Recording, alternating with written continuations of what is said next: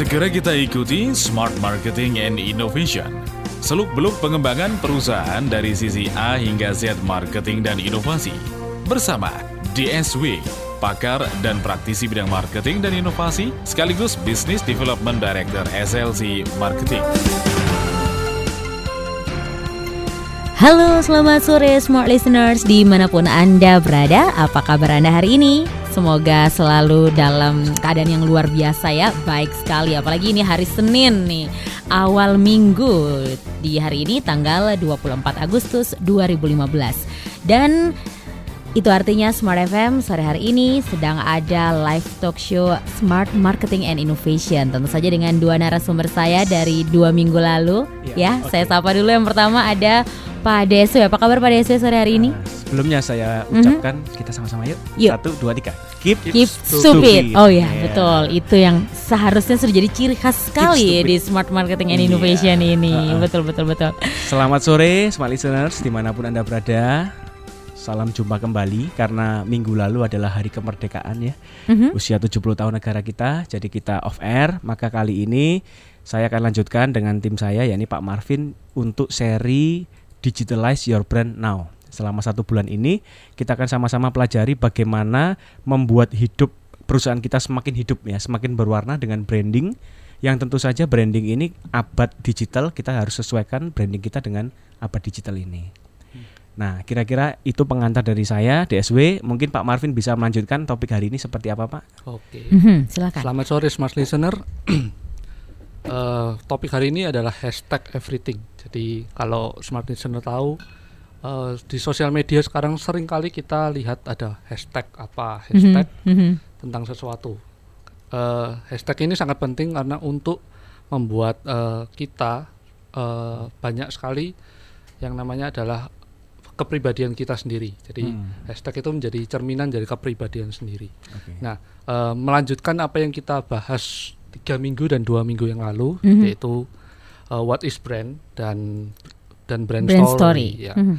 Jadi kita akan membahas mengenai sisi digitalnya. Mulai kita memasuki ke arah sisi digitalnya dengan nama hashtag everything ini.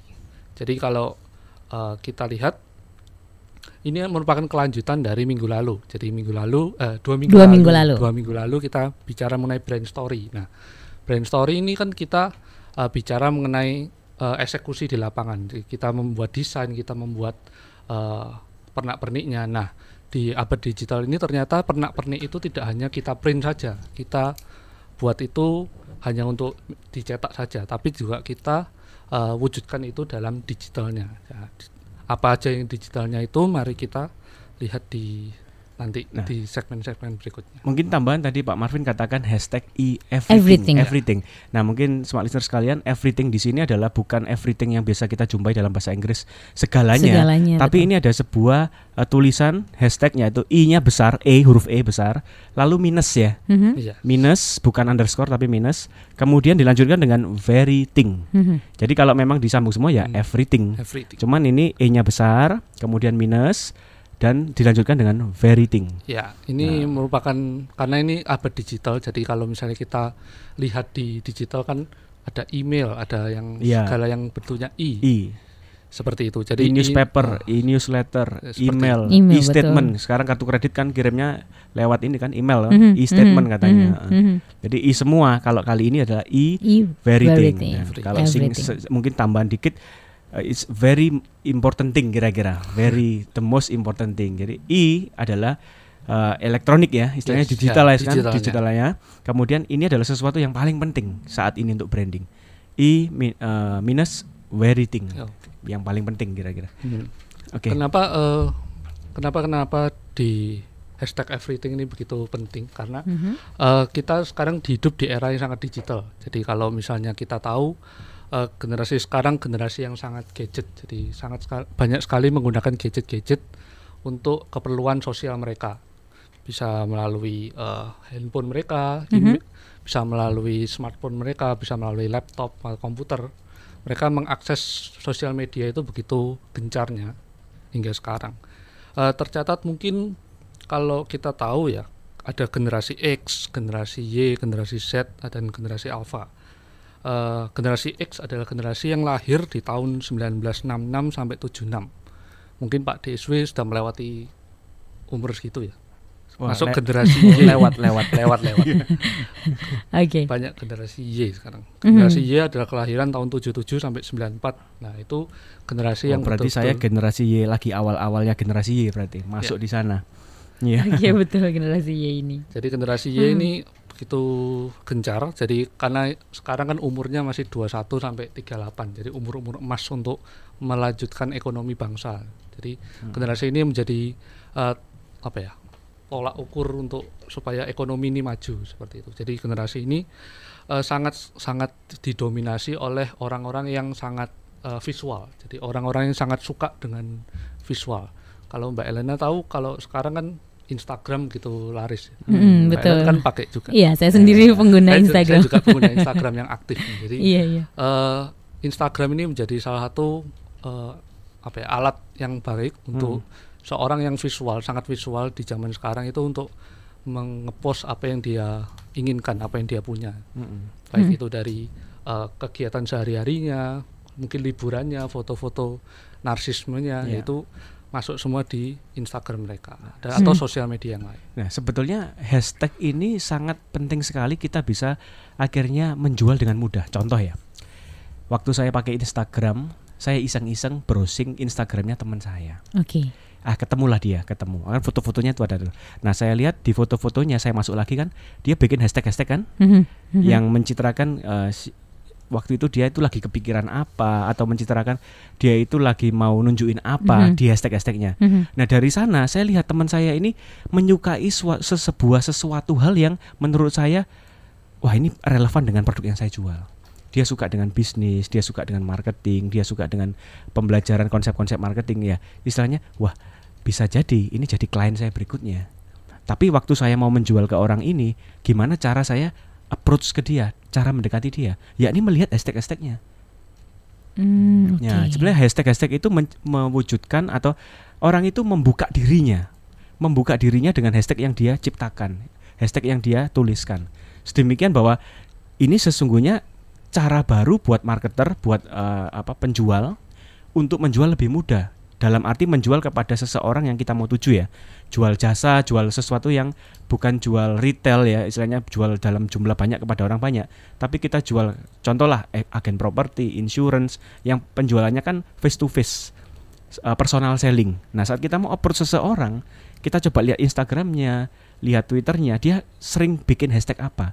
Itulah yang mewujudkan dia suka apa hobinya apa kemudian preferensi yang ada di kepalanya itu apa waktu kita ketemu dia udah ngobrol aja panjang lebar tentang yang apa dia, yang dia hashtag yang di sana hmm, hmm, hmm. kita akan lebih cepat nyambung chemistry-nya hmm. lebih cepat dapat karena kita sudah tahu bisa membaca orang itu dari jarak jauh sebelum kita ketemu dengan orang ini nah sesungguhnya hashtag itu sangat penting uh, untuk kita sebagai perusahaan dalam membranding diri dan dari sisi dari sisi penjual ya untuk kepada approach kepada konsumennya itu lebih mudah juga ke depan. Nah, okay. itu kira-kira. Itu salah satu pemanfaatan dari dari hashtag, hashtag everything. Okay. Nah, mm-hmm. Tapi hari ini Pak Marvin akan bagikan mengenai hashtag everything ini seperti apa pemanfaatnya gitu ya Pak ya? ya okay. Betul betul sekali. Betul sekali. Oke. Okay. Hmm, betul. Jadi untuk smart listeners yang sudah mendengarkan kita ini dari awal boleh sekali untuk melakukan interaktif ya, baik melalui telepon, SMS atau BBM di line telepon kami 031 732 1498, SMS 0856 461 16889 atau BBM di 5158 F514 atau bisa juga di mention melalui Twitter at smartfm underscore SBY. Oke, Pak Marvin dan juga Pak DSW, mungkin ada tambahan lagi sebelum kita break nih masih mungkin ada waktu. Pak Marvin, Hmm, mungkin di segmen 2 dan juga segmen 3 nanti apa yang menjadi uh, intinya gitu. Oke, okay, uh, eh, hmm. di segmen 2 nanti kita akan membahas mengenai generasi net netizen generation. Hmm. Jadi kita akan uh, kita dihidup di era digital. Jadi zaman sekarang era digital yang sangat uh, booming kali. Jadi masyarakat semuanya pasti pakai smartphone mereka masing-masing hmm. untuk melakukan aktivitas sosial jadi melalui sosial media mereka. Hmm. Nah, di segmen kedua ini kita akan lihat uh, seberapa besar sih uh, pengaruh pengaruh hmm. dari digital ini ke, ke dalam masyarakat. Nah, kita akan bahas itu di segmen yang kedua. Di segmen yang kedua. Jadi memang betul sekali yang dikatakan Pak Marvin tadi ya bahwa memang sekarang ini di tahun 2015 ini memiliki justru ketika ada orang yang tidak memiliki media sosial itu malah hah kamu nggak punya gitu ya serasa yeah. serasa seperti itu gitu serasa ya. aneh dan kamu hidup di planet mana sih selama ini? Oke. okay. Ya betul sekali. Oke baik smart listeners jangan ke mana-mana kita akan kembali lagi setelah pariwara yang berikut ini.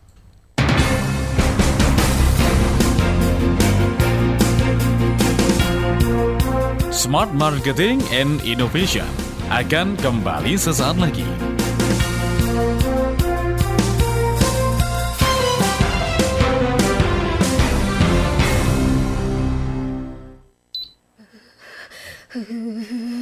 Lah, meni hebat pisan. Hebat kali, Bang. Hebat tenan, Rek. Pasti lagi ngomongin AC Panasonic yang hebat. Mau tahu kehebatannya? H. Hemat listrik. E. Environment friendly dengan refrigeran terbaru R32 yang lebih ramah lingkungan. B. Bandel, terkenal handal dan kuat. A. Aman, telah lulus uji SNI. T. Tahan lama dengan outdoor EcoTaf terbaru yang lebih anti karat yang cocok untuk iklim Indonesia. Semua kehebatan itu ada di AC Panasonic yang hebat. Itu sebab, nak, kita pilih AC Panasonic yang, yang hebat. Info lebih lanjut, klik acehematlistrik.com. Panasonic. Jadi dalam hal-hal tertentu patuh mutlak. Sholat, ke gereja. Jangan menyeberang tanpa melihat dulu, patuh. Smart Parenting, membangun generasi cerdas. Tapi kok seluruhnya anak kita kita minta patuh kepada orang tua, kapan fungsi berpikirnya berkembang? Dari mana dia bisa memilih? Kapan kita ajarkan dia mampu mengambil keputusan untuk dan atas nama dirinya? Eli Risman, psikolog anak, Direktur Yayasan Kita dan Buah Hati, menekankan betapa pentingnya pengasuhan orang tua dalam membentuk akhlak anak. Mari kita bangun generasi cerdas. Smart Parenting, setiap Rabu jam 11 siang di Smart FM. Saya Eli Risman untuk Smart FM. Be smart with Smart FM. Kembali kita ikuti Smart Marketing and Innovation seluk-beluk pengembangan perusahaan dari sisi A hingga Z marketing dan inovasi. Bersama DSW, pakar dan praktisi bidang marketing dan inovasi, sekaligus Business Development Director SLC Marketing. Baik, Smart Listeners, kita kembali lagi di 889 Smart FM Surabaya. Langsung saja nih Pak Marvin ya, kita bahas tentang apa yang uh, tadi sudah dijelaskan nantinya akan dibicarakan di segmen 2 ini. Silakan. Oke, Selamat sore Smart Listener. Jadi kita akan membahas mengenai netizen generation. Jadi uh, kalau kita tahu sih di Indonesia sekarang kan sangat booming dengan mm -hmm. smartphone berbagai merek dari luar semua. Jadi import semua. Mm -hmm. Jadi Indonesia merupakan salah satu negara pengguna internet terbesar ternyata. Jadi uh, bisa dikatakan mungkin salah satu negara yang negara internet. Jadi negara penduduknya internet. sangat banyak sekali menggunakan internet melalui mm -hmm. smartphone mereka. Hmm. Uh, tercatat mungkin bisa saya sampaikan data dari Asia Pacific Digital Overview pada tahun 2014. Hmm. Di sana mengatakan bahwa pengguna internet Indonesia mencapai 88 juta orang. 88 wow. juta orang. Itu satu negara kalau setara dengan negara Vietnam. Satu Seluruh negara Vietnam itu 87 80 juta. juta. Oke. Okay. Iya. Luar biasa. Jadi uh, pengguna internet di Indonesia ternyata sudah sebanyak itu, sudah mm -hmm. hampir satu negara sendiri. Nah, itu sama dengan 35% dari kira-kira 35% dari jumlah populasi Indonesia. Hmm. Bisa dikatakan tiga orang setiap tiga orang berarti kan satu orang pasti okay. pegang HP atau tidak pernah menggunakan internet. Itu kalau mungkin di desa tiga orang satu HP. Kalau di Surabaya satu, satu orang, orang tiga HP. Tiga iya. HP benar. Istri saya lima HP-nya luar biasa. saya sampai bingung. Kalau kadang bunyi dompetnya gini dia lagi mandi atau lagi ke pasar. Yang mana? Gitu. saya angkat oh bukan. Saya angkat oh bukan. Ini pakai lima handphonenya. Gedek-gedek saya. Jadi ini memang fakta realita yang uh, umum ya Pak ya. Satu banding tiga ya. Satu banding tiga. Tapi Surabaya agak sedikit beda ya. Tiga banding satu. Tiga banding satu. di Jakarta lebih. Lebih lagi. Ya. Oke. Jadi uh, begitu banyak sih. Jadi karena begitu banyaknya itu ternyata uh, setelah dilihat ternyata 82% pengguna internet itu adalah menggunakan smartphone.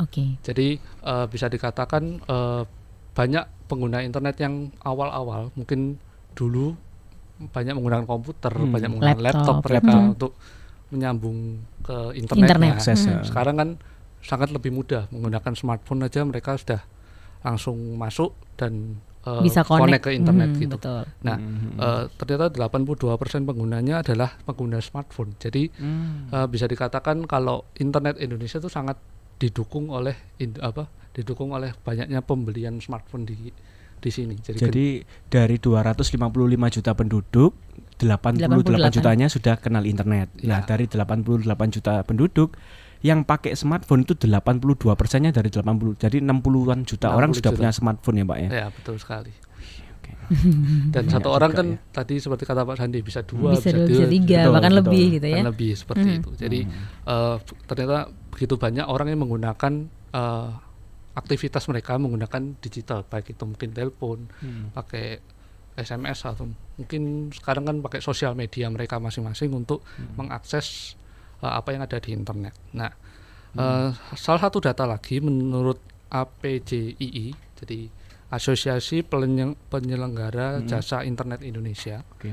pada Februari 2015 mengatakan bahwa pengguna internet itu 50-50 uh, ternyata. Jadi antara pria dan wanita tuh sama 49 okay. dan 51 persen. Oh berarti lebih banyak wanita, wanita. dikit ya? ya banyak wanita dikit. Oh iya setuju saya.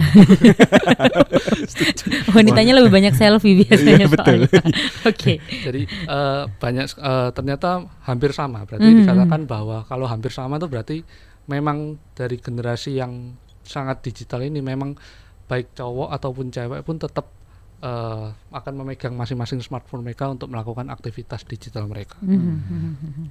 Kemudian yang usia pengguna terbanyak. Nah, ini usia pengguna terbanyak adalah uh, 49 persennya adalah usia 18 sampai 25 tahun. Berarti usia anak kuliah ya. Mm-hmm. Jadi kuliah, kuliah. SMA mm-hmm. seperti itu. 18 sampai 25 berarti oh ya, yeah, SMA SMA, SMA akhir, akhir, akhir ya sampai set, mungkin setelah lulus kuliah hmm. mulai bekerja. Mulai bekerja awal ya, betul. Itu uh, sangat masif sekali. 49% jadi ya. Jadi hampir separuhnya, hampir separuhnya adalah uh, usia usia 18 sampai 25. Hmm. Di mana itu kan usia muda. Jadi sangat tertarik pada hal-hal baru, baru, sangat tertarik pada apa yang sedang happening gitu sedang ya. Happening mungkin. itu sangat sangat butuh. Jadi kalau misalnya di bisnis bapak ibu yang banyak hmm. menjual produk yang untuk anak muda untuk anak muda nah, mungkin bisa peluang yang bagus harus masuk harus digital ya. harus, harus masuk ya, ya. betul okay. harus sangat masuk kemudian karena mungkin anak muda hmm. juga memiliki waktu yang lebih longgar mungkin ya apa hmm. mungkin jam kuliah yang di cancel oleh dosennya langsung chattingan atau pasang apa Instagram gitu ya betul langsung yeah. beraktivitas beralih aktivitasnya betul, ke dunia digital dunia mereka masing-masing hmm. aktivitas Kalau, mereka juga uh, setiap saat selalu di share di hmm, internet itu hmm. tadi gitu kan ya di setiap saat mungkin mereka langsung pegang HP mereka betul okay. di kemudian yang kedua yang tertinggi adalah di usia 26 sampai 35 hmm. ini kebanyakan mungkin uh, pekerja yang awal jadi mungkin level-level yang masih happening juga sih hmm. jadi kan pekerja awal kan masih happening yang oh pengen eksis pengen dikenal pengen ingin jadi yang mungkin sesuai dengan apa yang dicita-citakannya hmm. seperti itu jadi 33,6 persen ini menurutku masih banyak sekali yeah. artinya dari 8 dari 10 pengguna uh, pengguna internet berusia di bawah 36 tahun. Jadi 80 persen ya. Iya, 80 persennya tuh dari 60 juta penduduk yang tadi pakai internet, mm -mm. semua uh, rata-rata di bawah 36 tahun. Mm -hmm. Jadi jangan jual produk-produk yang uh, contoh kecil uh, apa itu namanya? koleksi perangko yang disukai usia 40 50 tahun ke atas. Itu itu kan itu untuk orang tua. orang tua ya. kolektor yang kolektor, sudah kolektor seni dewasa, ya. senior kolektor gitu ya. Kan gitu ya. Kebanyakan kalau yang, kolektor hmm. yang anak muda yang disukai oleh anak muda itu baru bisa apa ya ngeh dengan apa Betul. yang disiarkan di digitalnya seperti itu. Mm -hmm. Tapi di ternyata di dalam aktivitas digital ini menurut APJI ini ada yang menarik sih. Jadi uh, aktivitas digital mereka. Jadi aktivitas digital adalah aktivitas yang mereka lakukan yang berhubungan dengan internet. Hmm. Jadi aktivitas yang mereka lakukan selama di internet ternyata kebanyakan adalah uh, 88,7 persen untuk sosial media mereka masing-masing. Mm -hmm. 80 persen lagi nih. Jadi 80 8,7 hampir 90 persen. Hampir 90 persen. Jadi untuk mereka, sosmed ya. Uh, jadi setiap orang yang memegang HP pasti memiliki uh, waktu atau memiliki kesempatan untuk mengutak-atik sosial media mereka. Baik itu mungkin yang booming kan sekarang uh, Line, Instagram Uh, dan WhatsApp itu termasuk sosial media bukan ya? WhatsApp termasuk BBM apa itu? termasuk digital juga. Termasuk. Digital, tapi Termasuk. tidak sosmed ya. Istilahnya media tuh lebih ke arah yang berbagi- share-nya ke share-nya one on many kan? iya. Yes, One kayak on many kan. pet, Ya, Facebook, pet. Ah, iya. Twitter gitu kali ya. Kalau BBM yang one on one kan, One on WhatsApp one. kan one on one, Ah. kecuali memang di broadcast. Betul. Ya. seperti itu. Ah, Jadi ah. lebih ke arah yang ini untuk yang sosial media yang betul-betul based on One on many website. tadi, Iya, on one on many. one on many, oke. Jadi 89% eh seperti itu. Kemudian yang kedua, mereka banyak menggunakannya untuk browsing atau instant messaging. Nah, ini Ah, ini dia mungkin. ini mungkin ini lebih ke arah ke BBM tadi WhatsApp, Hmm, BBM itu juga hmm, hmm, termasuk hmm. instant messaging. 59 persen, oh masih banyak juga ya. 68 persen. Eh, 68%. Ya 68 persen. Jadi Mm-mm. kemudian yang ketiga, Mm. hmm, kemudian yang ketiga adalah membaca berita terakhir itu 59 persen. Jadi Hmm. yang biasanya suka dengan Update. berita-berita Mhm. update misalnya eh, detik.com atau mungkin kompas.com Mhm. atau yang lainnya itu Mhm. ternyata 60 persen. Jadi kebanyakan juga mereka membaca berita pun melalui internet sekarang. Jadi Hmm. mungkin media konvensional seperti koran, Wah ini ya. majalah mungkin lambat laun mungkin agak semakin turun. Betul, bahkan bisa hilang sama sekali nih kalau Iya. kalau memang tidak melakukan Iya, inovasi pasti. gitu ya. betul betul Jadi betul. Hmm. eh, kebanyakan adalah mereka langsung membaca di hmm, di Smartphone-nya smartphone mereka masing-masing. Kemudian yang selanjutnya ada video streaming. Jadi kalau yang suka dengan nonton mungkin di YouTube, YouTube. di eh, media sosial yang video itu ada 27%. Jadi eh, Hmm. cukup cukup lumayan 25% dari populasi. Jadi Hmm. 25% itu mereka menyukai eh, segala sesuatu yang berhubungan dengan video. Jadi mereka sering streaming dari mungkin dari apa YouTube. film-film Korea atau Hmm. film-film dari luar mereka sering Mhm. streaming atau melihatnya seperti itu. Kemudian untuk email dan e-commerce. Nah, untuk email ini masih 25%, jadi aktivitas digitalnya melalui email 25%. Ini yang smartphone base ya Pak ya, 25% email ini ya, bukan Ya, laptop yang- base ya. Hmm. Jadi semua ini smartphone ya, Ah, data smartphone. Oke. Kemudian yang ya yang masih mungkin bisa dikembangkan sih ke arah e-commerce. Jadi e-commerce itu Hmm. eh, penjualan digitalnya ini Online masih store. online store. Oke. Itu masih 11%. Artinya apa? Artinya memang e-commerce ini kan masih baru, masih mungkin Hmm. boomingnya Lima eh, tahun terakhir lima lah tahun ya. terakhir Hmm. sangat booming dengan e-commerce. Jadi pembelian atau penjualan jasa atau barang melalui digital, melalui Online. online. Nah, itu baru eh, 11 persen. 11%. persen. Jadi menurut eh, menurut kami sih masih bisa ditingkatkan sehingga lebih banyak lagi. Jadi peluangnya cukup besar kalau misalnya bapak ibu atau ingin membuat suatu toko online yang sifatnya lebih Peluangnya berbeda. masih Peluangnya banyak masih gitu banyak di sini. ternyata. Oke, Pak Marvin. Ya, nanti kita masih akan lanjutkan lagi ya Oh, dari ya? data-data Oh, iya. juga betul, dari data-data juga dan dan yang lain ya. Oke, oke, oke. Karena ini kita harus break azan Oke, dulu, jadi jangan ke mana-mana. Kita akan kembali lagi tentunya bersama dengan Pak Marvin dan juga Pak DSW tetap di The Smart FM Surabaya.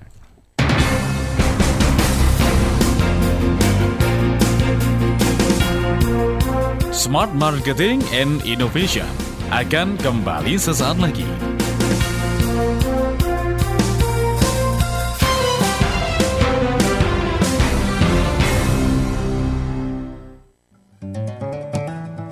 Sesaat lagi, waktu azan maghrib untuk Surabaya dan sekitarnya.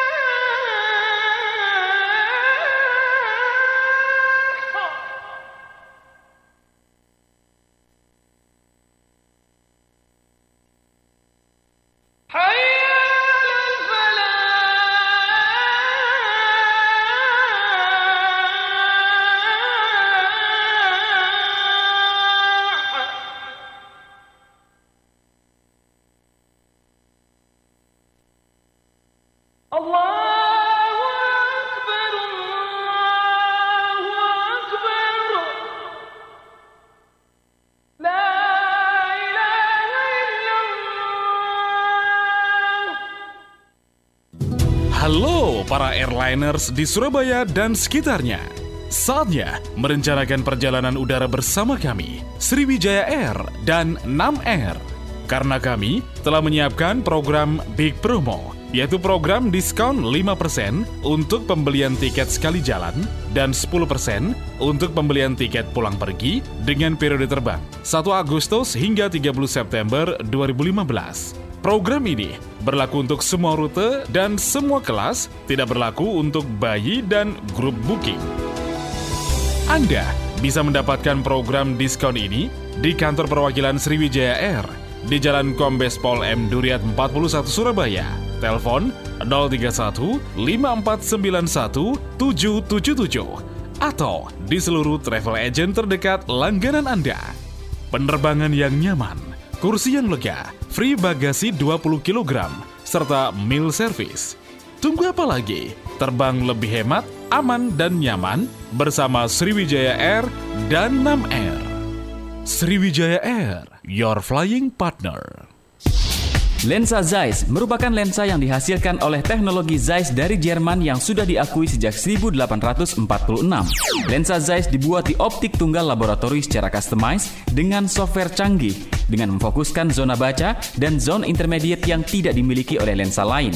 Karena lensa Zeiss dibuat sesuai kebiasaan dari penggunanya serta mengikuti anatomi wajah dan keseimbangan penglihatan dari kedua mata. Zeiss memberikan ketajaman penglihatan, kejernihan, dan kenyamanan Anda. Carl Zeiss menjamin presisi dan akurasi serta memberikan penglihatan alami yang jernih dengan kontras tinggi dan menjamin kenyamanan pemakainya. Lensa Zeiss tersedia untuk usia dini hingga lanjut. Dapatkan lensa Zeiss yang saat ini hanya tersedia di optik tunggal di seluruh Indonesia dan Zeiss Vision Center yang dioperasikan oleh optik tunggal di Plaza Indonesia dengan unlimited warranty selama satu tahun. Optik tunggal, best choice, service, and quality. Be smart with Smart FM. Kembali kita ikuti Smart Marketing and Innovation. Seluk-beluk pengembangan perusahaan dari sisi A hingga Z marketing dan inovasi. Bersama DSW, pakar dan praktisi bidang marketing dan inovasi, sekaligus Business Development Director SLC Marketing. Oke, okay, smart listeners, kita kembali lagi dengan dua narasumber saya yaitu ada Pak Marvin Ade dan juga Pak DSW tentu saja. Ya, kita lanjutkan tadi nih, tadi sampai di data-data ya mengenai okay. pengguna dari internet ini sendiri. Hmm. Jadi uh, seperti yang kita tahu bahwa uh, sebanyak 62 juta orang Indonesia itu memiliki sosial media. Nah, itu uh, angka yang sangat besar sekali sih untuk sebagai hmm. market yang baru yang uh, sangat sangat uh, dinamis sekali sekarang. Jadi uh, 60 juta orang ini uh, mereka sangat aktif dalam digital uh, sosial media mereka hmm. seperti itu. Kurang Jadi, lebih satu negara Thailand lah. Betul. Thailand 67 juta. Jadi hampir satu negara sendiri. Hmm. Jadi uh, dan yang menarik ini uh, sekarang banyak didominasi oleh akun-akun seperti YouTube, Instagram, Twitter. Twitter hmm. mungkin sekarang agak turun sedikit ya, hmm. tapi uh, Instagram ini boomingnya naik booming. sekali, booming sekali. Jadi banyak, apalagi di Surabaya. Uh, terakhir saya lihat tuh banyak sekali toko-toko online, baik itu toko hmm. makanan, mungkin toko fashion ya, fashion hmm. atau apa ya, banyak lagi. Uh, jasa bahkan jasa juga ada, ya. jasa, jasa, jasa juga jasa, ada, jasa, ada ya. Instagramnya hmm. betul. Jadi uh, banyak sekali uh, toko-toko online yang masih kecil tapi mereka berani untuk mengekspos di Instagram mereka dengan gambar-gambar yang bagus dan uh, terlihat profesional sehingga orang-orang banyak tertarik untuk membelinya. Itu perlu di ini dulu ya Pak, diedit macam gitu ya supaya uh, kebanyakan lebih mereka natural uh, langsung foto. Enggak, uh, tergantung kebutuhan sih. Kalau misalnya hmm. kebanyakan kalau yang uh, saya tahu sih kebanyakan mereka menggunakan uh, diedit. Mereka oh, editan Instamac gitu ya, Mac apa uh, tergantung kebutuhan. Jadi kadang oh. mereka menggunakan foto. Jadi mereka betul-betul fotografer oh. profesional yang dilihat komposisi uh, cahaya iya, iya. dan lain sebagainya Baru mereka gitu ya. masukkan mereka masukkan ke sosial media mereka. Hmm. Tujuannya apa? Tujuannya mungkin banyak ke arah menjual produknya. Jadi hmm. mungkin foto produk atau hmm. mungkin uh, foto karena dia perusahaan kan soalnya ya, dia, kecuali kalau perorangan pribadi yang ownernya ya. punya Instagram sendiri pribadi. bisa ya. jadi ya cuman mungkin Instamac yang disusun empat kotak macam istri saya biasanya di, di kotak-kotak disambungin gitu ya ya kalau okay. misalnya untuk pribadi uh, menurut saya pribadi memang kebanyakan ke arah itu jadi hmm. kalau pribadi memang membuat sosial mereka uh, melihat oh aku ini seperti ini hmm. uh, aku ini ternyata suka hobinya ini ini, ini seperti itu Hmm, Oke, okay. Pak Marvin dan juga Pak Deso ini ada yang bertanya hmm. di, uh, di BBM Smart FM ya. Yeah. Ini datang dari Dini Online Shop ini, nama BBM-nya ini. Oh. Berarti dia sudah punya online shop ini okay, ya. Kita okay. baca dulu. Yeah. Sore semua, oke, okay, selamat sore, sore untuk sore. Dini. Yeah. Saya menekuni, menekuni bisnis online produk hijab dan gamis hmm. lewat BlackBerry, Twitter, dan juga Facebook. Namun saya merasakan kalimat promosi saya kurang menarik. Hmm. Nah, saya ingin ngena di saat orang lain membaca meski hanya sekian detik saja yeah. sekian detik saja. Uh. Jadi biar bisa lebih tertarik bagaimana caranya ya? Terima kasih. Oke. Okay. Oke, okay, Pak Marvin silakan. Mm -hmm. Oke. Okay.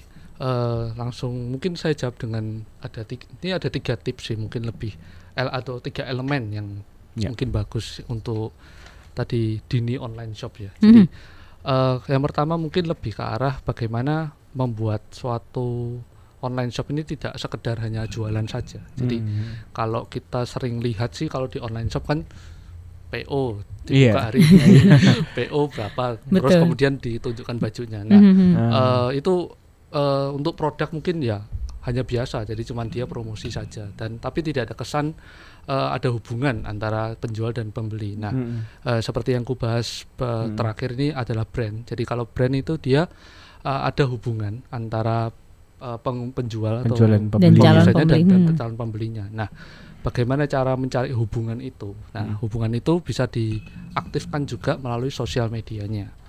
Sosial medianya itu mungkin coba cari hal-hal yang mereka suka, hal-hal yang mungkin konsumen itu suka untuk uh, bagikan. Jadi misal contoh, misalnya tadi di online shop dia suka hijab dan gamis, mungkin cari-cari foto yang apa lebih ke arah hijab ini digunakan sebagai apa atau mungkin dia hmm. cocoknya bagaimana misalnya hmm. cocok mungkin cocok di contoh misal ada yang agak kurusan pipi lesung pipi ya. kurus harus nah, apa ini sebenarnya warna gitu ini nih ya. gamis warna atau hijab warna ini mungkin yang agak cabi-cabi ya gitu ya hmm. nah, kulit nah, warna juga mungkin gitu ya, ya Pak mungkin hmm. seperti ke arah mungkin bisa ke arah tips-tips juga tips -tips bagaimana ya. uh, memilih yang tepat jadi hmm. uh, tujuannya apa tujuannya adalah untuk membuat uh, para konsumen ini percaya kalau oh ini betul-betul toko uh, toko yang bagus, toko Hmm. yang betul-betul uh, melindungi apa ya, bukan melindungi ya, uh, Memberi care. added value, Hmm, care, care, ya. care, care terhadap pen- Ya, pembelinya juga. bahkan mungkin ngasih tips bagaimana cara mencucinya supaya nggak cepet pudar warnanya. Nah itu kan.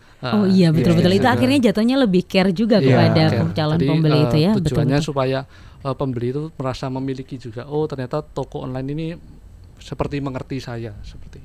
Jadi Hmm. tujuannya adalah seperti itu. Artinya nggak fokus pada produk yang dijual, tapi Hmm. fokus pada konsumen yang yang akan membeli. Hmm. Sebagai jadi menempatkan sepatu sepat eh, menempatkan kaki kita di atas sepatunya konsumen.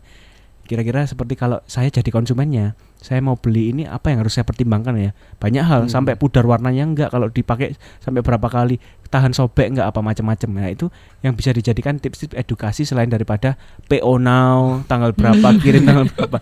Nah, itu yang mungkin Iya, Ma-. Martin maksud ya. Oke. Mhm. Ya seperti itu.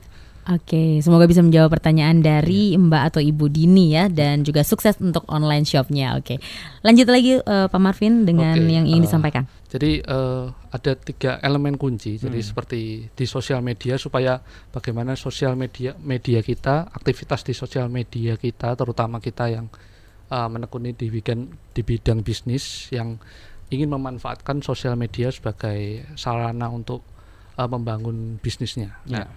Ada tiga elemen. Yang pertama mungkin eh, sudah dijelaskan, tapi ku coba ku ulang lagi, yaitu Hmm. relevan dengan netizen. Jadi adanya hubungan dengan eh, netizen. Netizen di sini adalah orang pengguna internetnya atau pengguna sosial media yang menjadi cons- eh, customernya Mhm. seperti itu. Eh, sebagai contoh mungkin bisa saya sampaikan di sini eh, kalau beberapa tahun yang lalu mungkin 10 hampir 10 tahun lalu Oh, tuh oh. ada film namanya AADC. Mungkin Oke. pen- Oh. Ada apa dengan cinta. Nah, Mhm. Ini siapa pemainnya? Pemainnya Dian Sastrowardoyo. Oh iya, sekarang udah tua dia Sastrowardoyo. Tapi tetap cantik dia. Tetap cantik. Benar. jadi eh, pada saat itu kan pada saat berapa 10 hampir Mm-mm. 10 tahun lalu. Mm. Nah, Betul, betul, 10 eh, tahun. pada tahun lalu kan salah satu provider yaitu Line membuat versi mininya. Jadi Video mini betul. video mini yang disiarkan di Facebook yaitu AEDC versi Line. Yang main versi masih mereka. Dian. Masih, Oh, masih, masih ya? Iya. di Jadi- YouTube juga ya di waktu YouTube itu juga. Marvin Jadi, betul. Itu eh, booming sekali. Jadi kalau kemarin sih aku sempat ngecek penontonnya sampai 5,7 juta. Betul. Wah, 5,7 Dan juta. akhirnya dari dari penonton Iya. yang menonton segitu Iya. banyak, akhirnya sekarang mau dibuat filmnya Iya. benar-benar full Oh iya? film lanjutannya. Wah. Jadi eh, Hmm. Karena semua ingin menantikan ya. Betul. Jadi itu seperti kayak flashback ingatan lama Hmm. seperti itu. Jadi eh, versi Hmm. Line ini tujuannya un- kalau tujuan dari Line adalah dia ingin membuat eh, grup alumni. Jadi kalau di Line itu ada grup alumni Mhm. yang ingin membuat itu menjadi aktif. Jadi kayak eh, kampanyenya seperti itu dengan menggunakan film AADC yang dibuat remake, di remake dengan versi pendeknya. Hmm. Nah, itu eh, menurutku itu adalah relevan dengan netizen karena apa? Karena orang eh, atau netizen ini kayak eh, bernostalgia. Oh, jadi kemudian mereka beramai-ramai nonton dari, dari tontonan itu muncul iklannya. Gabung Hmm. di gabung di eh, line alumni itu. Nah, sejak itu line alumni kan baru booming dan baru dan mulai banyak sekali penggunanya seperti itu. Nah, itu Hmm. eh, salah satu kuncinya. Jadi ada relevansi antara penggunanya. Jadi kalau di, dari line ini dia menggunakan relevansi eh, nostalgia dari para netizennya untuk ingin oh aku ingin lihat ADC lagi seperti itu. Jadi Hmm. eh, relevan ini eh, untuk membuat orang tuh lebih care, eh, lebih dekat dengan brand, brand dengan customer bisa lebih dekat seperti itu. Mhm. Kemudian yang kedua, eh, yang kedua adalah autentik. Jadi kalau misalnya kita tahu kemarin eh, brand itu ada brand story. Jadi kalau brand story adalah cerita mengenai brand itu, cerita mengenai eh, original atau mungkin eh, kisah berdirinya dari brand itu. Hmm. Nah, mereka juga ingin menampilkan itu dalam eh, digital mereka, da- dalam versi digitalnya, yaitu dengan cara yang autentik sesuai dengan eh, digital perusahaan itu dan sesuai dengan eh, netizennya juga. Sebagai contoh mungkin eh, yang bisa saya sampaikan itu tidak, oh ya, ada Starbucks. Nah, kalau misalnya Starbucks dulu eh, banyak ngepost mengenai interiornya, mungkin oh Starbucks bagus, Hmm. kafe kopinya enak dan Mhm. Starbucks itu eh cozy, nyaman, bisa di apa? Bisa dibuat sebagai tempat santai, tempat meeting dan sebagainya. Nah, uh, beberapa saat lalu Starbucks itu membuat uh, kampanye. Jadi kampanye mengenai uh, mereka menggambari uh, cup, mereka. Cup mm -hmm. mereka kan putih, mm -hmm. kemudian ada logonya aja. Mm -hmm. Nah, cup itu mereka gambari sesuai dengan imajinasi mereka masing-masing. Konsumen ya maksudnya. Konsumen, oh, ya. okay. Jadi konsumennya mereka boleh mencoret-coret di boleh mencoret mencoret-coret di cupnya, kemudian mereka postingnya di sos akun sosial media mereka. Jadi mereka menggambari dengan mungkin bermacam-macam, mungkin ada yang artis juga akan artis yang ikut untuk menggambarinya. Itu mereka posting di sosial media masing-masing Dampaknya apa? Dampaknya mereka merasa memiliki Starbucks itu lebih lagi. Jadi seperti oh ini Starbucks ini gelasku seperti itu. Jadi mm. ada kesan yang original, yang autentik yang dimiliki mm. oleh pelanggan mm. uh, untuk memiliki brand tersebut. Bahkan itu. mungkin bukan lewat digital ya, mungkin lewat lebih konvensional yang dilakukan oleh permen Fox ya. Hmm. Ada kata-kata Betul, ada kata-kata di situ, kata-kata pendek di situ kata-kata ya. pendek. Mm -hmm. Kirimkan nanti dipilih terus dicetak itu kan uh, permennya ya kata-kata dari siapa. Juga yang terakhir saya lihat botol Coca-Cola. Oh iya. Nah, botol Coca-Cola ada beberapa nama, nama umum di Indonesia yang akhirnya di pabrik Coca-Cola itu disebar ke seluruh bagian negara. Hmm. Nama yang paling umum Indonesia banyak, termasuk apa itu? Joko. Joko. Nah, okay. Joko, Andi, Budi, Budi Susi. Budi. Nah, itu ternyata yang paling umum.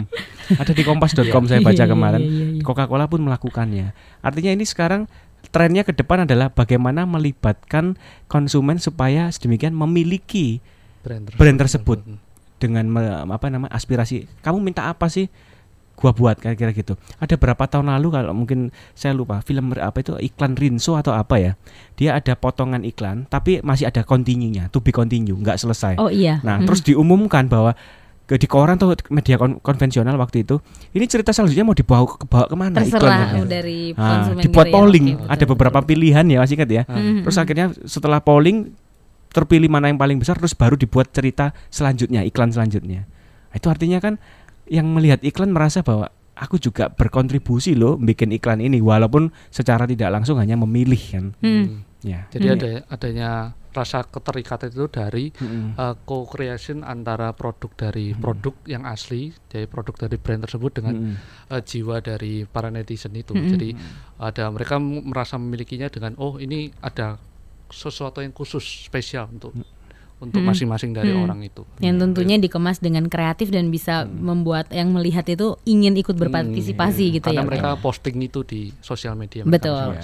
Oke baik, kita harus break dulu ya. Nanti kita ya. masih ada satu segmen lagi dan tentunya masih akan membicarakan tentang e for uh, e hashtag everything. Ya, Betul. Hashtag, hashtag everything. everything. Baik jangan ke mana-mana, kita akan kembali lagi setelah pariwara yang berikut ini.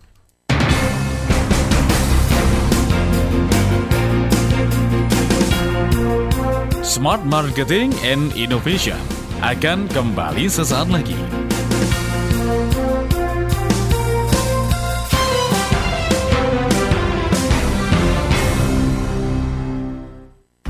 Smart listeners, jika Anda seorang sales atau marketing atau apa pun profesi Anda dan harus berpresentasi ke konsumen, pastikan presentasi Anda memukau dan menarik agar dapat melakukan closing sales dengan lebih cepat dan mudah.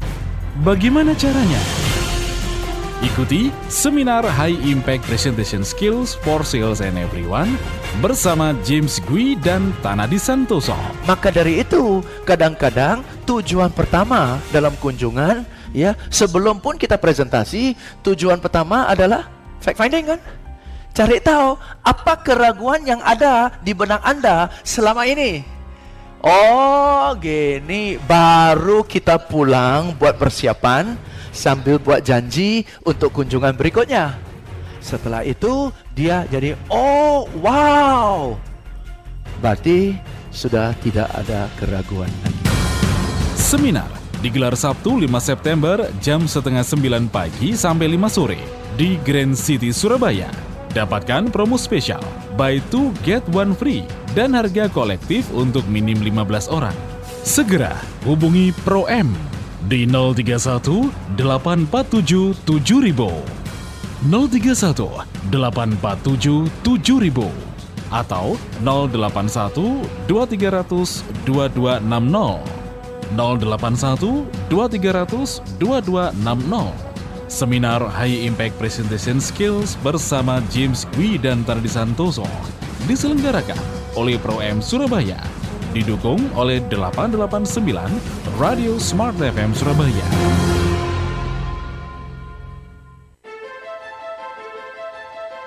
Banyak orang bicara kreativitas, tapi kreativitas bukan hanya soal bicara.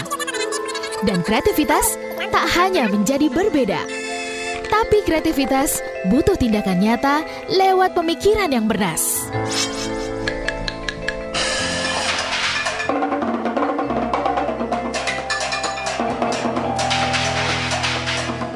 Kreativitas dibutuhkan dalam segala hal agar lebih inovatif dan berkualitas. Dan ide kreatif bisa didapat kapan saja dan di mana saja. Temukan dan tajamkan kreativitas Anda bersama kami dalam Smart Creative. Setiap Senin jam 8 malam di Smart FM menghadirkan berbagai pelaku kreatif. Smart Creative lebih dari sekedar kreatif. Be smart with Smart FM.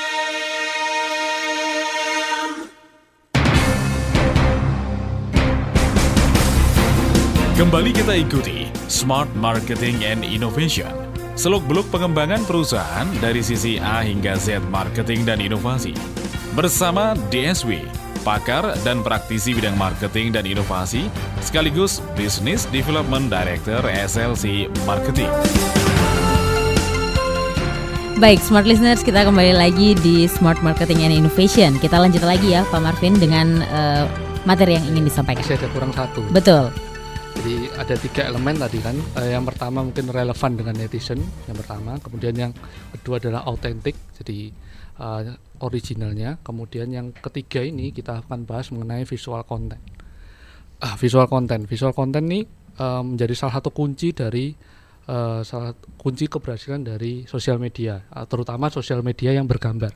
Hmm. Kenapa? Karena uh, seperti yang tadi kita lihat bahwa generasi sekarang adalah generasi Y atau generasi Y yang sangat dominasi. Nah, sebentar saya potong Pak. Sosial media yang bergambar itu maksudnya gimana? Hmm. Definisinya? Uh, definisinya adalah sosial media yang bisa posting gambar. Bisa posting gambar. Jadi oh. yang bisa terlihat visualnya. yang terlihat visualnya. Ke, oh, Twitter nggak bisa ya berarti Pak ya? Twitter dilingkan sih. Oh iya, nggak bisa langsung dilihat ya. Hmm, Oke oke. Itu kebanyakan dilingkan. Okay. Nah, hmm. kalau uh, di Instagram mungkin lebih banyak kayak itu. Karena apa? Karena hmm. di generasi Y ini orang sangat peduli dengan visualnya. Jadi orang uh, sangat apa ya istilahnya dia ingin melihat sesuatu yang bagus, yang sedap dipandang. Jadi yang enak dipandang itu lebih menarik apa ya lebih menarik hati mereka gitu. Daripada tulisan ya? Daripada tulisan saja. Jadi kalau misalnya tulisan aja mungkin orang bosen diskon Mak diskon. makanya anak-anak kenapa lebih suka baca komik ketimbang novel? Ya. betul ya? Karena bergambar itu karena tadi gambar gitu anak-anak okay. cara belajarnya kan cepat. mm -hmm. cepat sekali. Betul Sekarang, ya uh, jadi visual content ini menjadi uh, kunci sebab indera kita juga uh, banyak menerima reseptor dari mata kita. Jadi mata kita kan Mm-mm, uh, betul. banyak banyak menerima masukan dari visualnya. Jadi uh, visual content ini sangat penting. Nah, ada berbagai macam sih isinya. Jadi kalau dilihat visual content itu uh, beberapa uh, tipenya. Jadi beberapa tipe yang pertama adalah bagaimana cara menggunakan produk. Oke. Seringkali uh, banyak ditemukan di mungkin di produknya. Jadi kalau di produk mungkin ada cara pemakaian. Kalau yang lama mungkin hanya tulisan saja kan, tapi ada beberapa yang baru, Oh. terutama produk-produk teknologi itu bisa menggunakan gambar. Mungkin gambar komputernya, gambar laptopnya dan sebagainya. Nah Kalau itu dulu perintahnya colok kan ini, cabut ini. Sekarang digambarkan banyak ya, divisualkan. Jadi orang lebih mudah. langsung paham Dan, gitu uh, ya Jadi Mhm. dan kebanyakan yang yang baru ini malah dibuat komik malahan, dibuat komiknya. Jadi uh, cara penggunaan produk malah dibuat komik. Oh, manual booknya dibuat Hmm. sema- semacam komik ada ya. gambar-gambar seperti komik dan seperti ada ceritanya juga seperti itu. Jadi Hmm. kemudian cara penggunaan sos- eh, menggunakan produk ini juga bisa dipostingkan di misalnya di sosial media eh, masing-masing. Jadi Hmm. contoh seperti contoh mungkin kalau misalnya zaman eh, ini dari dulu sih Oreo Mhm. kan ada ada cara ciri khasnya. Iya, Oh iya. diputar, Diputar, diputar, dijilat, dicelupin ya. Nah, Berarti nggak dimakan. cuma Iya, dicelupin iya, aja. Terakhirnya dicelupin. Iya. Luar biasa. Jadi itu Membuang sembarangan. mereka menggunakan eh, uh, teknik itu masih bisa digunakan, masih relevan digunakan sampai sekarang. Hmm. Jadi mereka membuat videonya, mereka membuat uh, gambar-gambarnya supaya uh, cara-cara uh, itu masih tetap digunakan hingga sekarang. Jadi uh, cara penggunaan produk ini salah satu visual content yang sangat bermanfaat dan membuat uh, produk kita juga dikenal atau mempunyai ciri khas juga seperti itu. Wah, artinya ini bisnis untuk desain grafis apa luar biasa peluang ke depan, Mbak ya. ya. Karena nggak semua orang bisa bikin visual nah, kontennya nah, seperti itu. Betul. Ya, yang mana SLC Marketing juga menyediakan jasa itu kira-kira bisa disampaikan, Mbak ya. Sekalian promosi. ya. Baik. Kemudian uh, setelah itu yang kedua adalah untuk show of product. Jadi uh, kebanyakan kalau kita lihat di Instagram uh, sekarang produk-produk yang digunakan itu gambar gambar-gambar yang digunakan adalah gambar juga produk. Contohnya uh, kebanyakan sekarang mungkin restoran atau kafe-kafe uh, yang baru banyak bermunculan di Surabaya sekarang. Banyak mereka banyak menggunakan foto-foto produk, aktivitas-aktivitas uh, sosial yang mereka lakukan di kafe itu. Hmm. Atau uh, foto produk itu sendiri. Jadi lebih penting mana Pak? Foto produknya zoom di zoom ya misalnya hmm. ini makanannya, makanannya atau nuansa ambience dari ruangan dari interiornya ruangan, ya. uh, ataukah yang apa Hmm. Itu harus menurut menurut kami sih harus berimbang. Jadi hmm. kenapa kenapa harus berimbang? Karena uh, karena sosial media kan aktif setiap hari kalau kita posting foto produk tiap hari kan mungkin jenuh ya jenuh jadi sekali jenuh, jadi orang cuma lihat foto gambar makanan makanan lagi makanan kalau misalnya ya. suasana kan berarti oh di sana juga nyaman ada, seperti ada itu gitu ya. aktivitas yang nyata di situnya juga nah hmm. itu membuat uh, harus di apa ya, dipilah-pilah atau dikombinasikan sih jadi antara produk mungkin ambience atau mungkin aktivitas, sehari-hari ya, ya itu harus dikombinasikan secara uh, lebih ya tergantung strateginya mau mau seperti apa itu membuat uh, apa produk itu juga bisa muncul jadi brand nama dari perusahaan itu kan tidak melulu hanya produk aja tapi juga hmm. ambience-nya juga termasuk. Nah, posting itu sebaiknya uh, dalam kurun berapa hari sekali atau kalaupun uh, seperti apa Facebook hmm. itu harus kurun berapa kali hmm. sekali uh, yang Twitter, paling efektif yang paling kira-kira. efektif ya kira-kira. Uh, menurutku tidak ada apa ya, tidak ada kata kunci yang pasti seperti jadi tergantung dari preferensi dari produknya juga. Misalnya hmm. uh, contohlah yang paling gampang makanan. Mungkin hmm. jam-jam paling efektif tuh jam-jam yang mau lapar.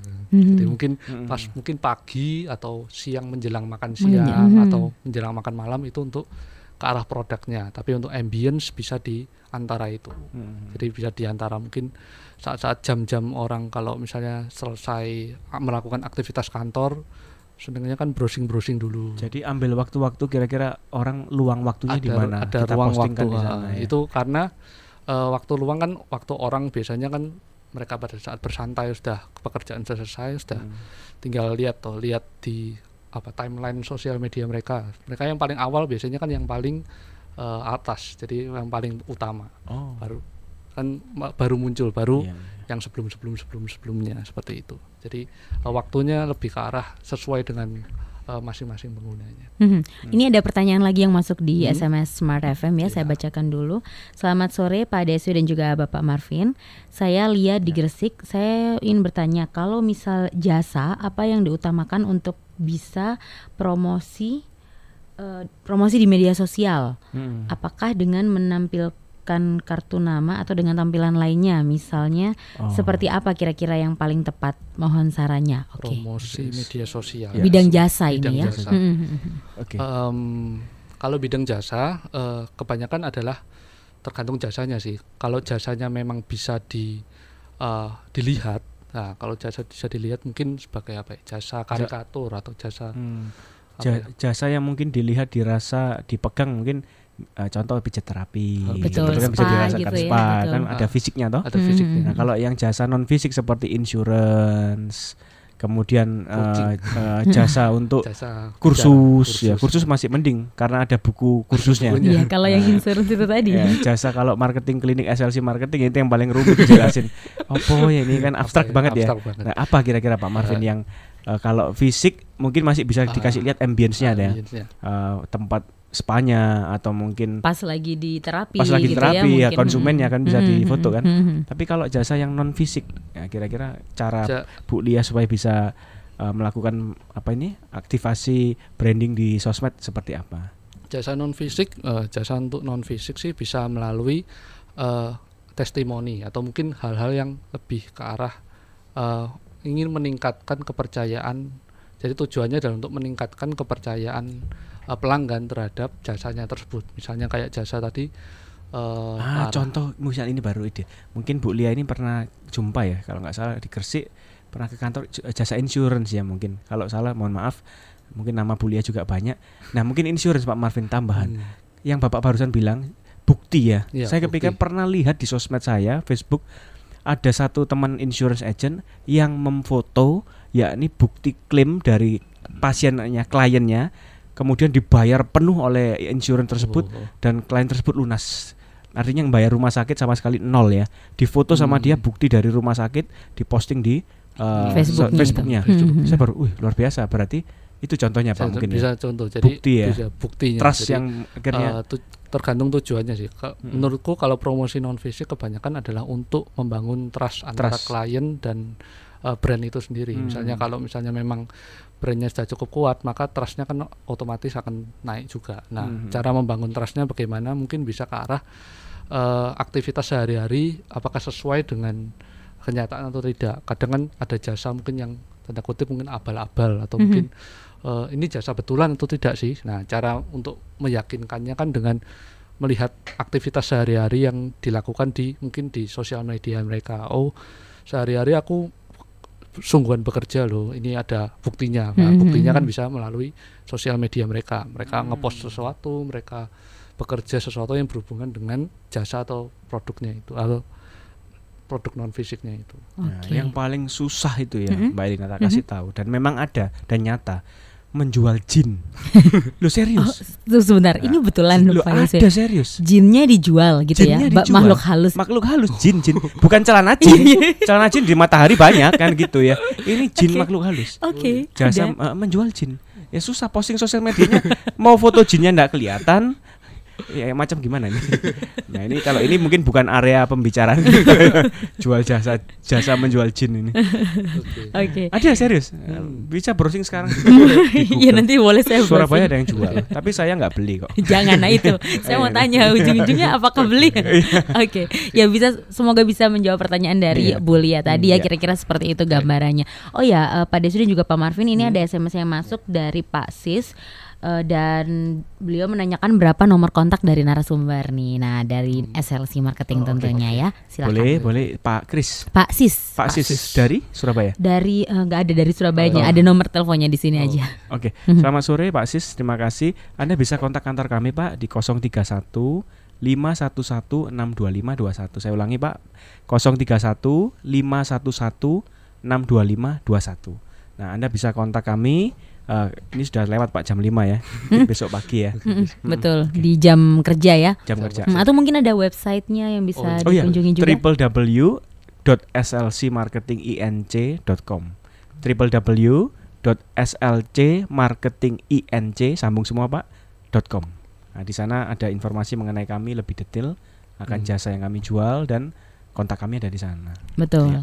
Ini kita masih punya lima menit lagi sebelum okay. segmen yang terakhir mungkin. Okay, Pak eh maksud saya sebelum kita closing ya. ya Jadi okay. ada yang ingin disampaikan lagi mungkin? Yang terakhir mungkin ke arah uh, informasi yang jelas. Jadi hmm. uh, buatlah uh, sosial medianya memiliki informasi yang jelas. Jadi tidak nanggung-nanggung gitu kalau membuat informasi. Jadi kalau tujuannya kita menjual produk kan untuk membuat uh, konsumen tuh tahu kalau kita menjual produk dan isinya tuh apa saja. Nah, uh, berikanlah informasi yang jelas pada sosial medianya, mungkin kontaknya atau mungkin uh, websitenya atau mungkin semuanya itu dibuat secara jelas dan detail supaya orang tahu kalau ini uh, produknya betul-betul nyata dan bisa betul-betul membantu konsumennya seperti itu. Bukan hanya mungkin kontak Pak ya, mungkin bisa juga adalah keunggulan, kelebihan keunggulan daripada cara penggunaan hmm. dan sebagainya untuk supaya orang lebih paham sebelum membeli ya. Mm-hmm. Tapi satu hal mungkin sering kali kompetitor memanfaatkannya. Mm-hmm. Kompetitor kadang kan browsing-browsing,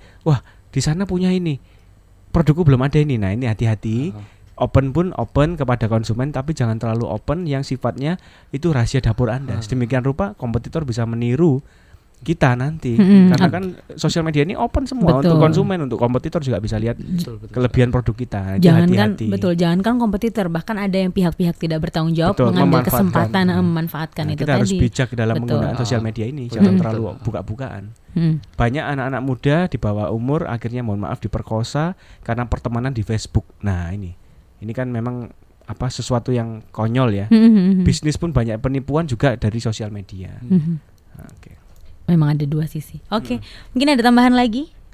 Ah, Pak kita tambahan DSW? Mhm. informasi aja Mhm. buat smart listener sekalian bahwasannya kami pada tanggal 28 Agustus besok hari Jumat tepatnya jam 2 sore hingga jam 6 ada acara strategic forum yakni forum kecil kelas kecil yang kami eh, desain untuk Anda yang ingin mendalami lebih lanjut mengenai digital branding. Kami ada topik disebut dengan judul Digitalize Your Brand Now yang mana akan kami langsungkan acara ini pada eh, hari Jumat 28 Agustus ya di kantor SLC Marketing Inc. Anda akan mendapatkan beberapa topik di sana ada dua sesi yakni why branding, brand story, hashtag everything salah satunya hari ini yang akan kita perdalam di acara strategic forum nanti dan eh, digital brand inspiration dari konteks eh, konteks-konteks khususnya di Indonesia nanti Pak Marvin ya. Nah untuk investasi biaya eh, untuk per orang 390.000 namun jika Anda daftar lebih dari satu orang Anda cukup membayar 325.000 per orang. Nah itu kira-kira. Nah Anda juga mendapatkan eh, fasilitas eh, handout makalah, kemudian juga eh, coffee break dan dinner bersama kami. Eh, dan satu lagi buku Stupid Marketing yang sudah naik cetak kali kedua di Gramedia. Itu akan kami berikan semua ke Anda. Luar biasa itu Anda dia bisa ya. kontak Mhm. kami di 031 511 625 21 di kantor kami atau di www.slcmarketinging.com. Betul, Ya. itu dia smart listeners. Nanti Anda bisa tahu lebih dalam lagi tentang digitalize your brand now yang sudah kita bahas dari uh, minggu pertama di bulan Agustus ini ya. Oke baik, terima kasih banyak waktunya Pak Marvin dan juga Pak DSW Ya. untuk sore hari ini ya tema kita juga semoga bermanfaat untuk smart listeners yang sudah bergabung bersama kita sejak pukul 5 sore tadi. Sebenarnya ini masih banyak yang ingin diperbincangkan tapi waktu juga ya juga yang ya. harus uh, menutup perjumpaan kita untuk sore hari ini tapi jangan khawatir karena minggu depan kita masih akan membicarakan lagi topik ke depan yaitu uh, digital brand inspiration ya. Yes, Oke. satu topik lagi untuk Betul, satu topik lagi. Agustus. Baik, akhir kata saya Elina Budiarti. Saya Marvin Ade, founder Maru Design dan associate consultant SLC Marketing Inc. Dan saya DSW Dr. Sandi Wayudi Hanya untuk Smart FM. Demikian telah kita ikuti Smart Marketing and Innovation. Seluk-beluk pengembangan perusahaan dari sisi A hingga Z marketing dan inovasi bersama DSW, pakar dan praktisi bidang marketing dan inovasi sekaligus Business Development Director SLC Marketing. Ikuti inspirasinya setiap hari hanya di 889 Smart FM Surabaya.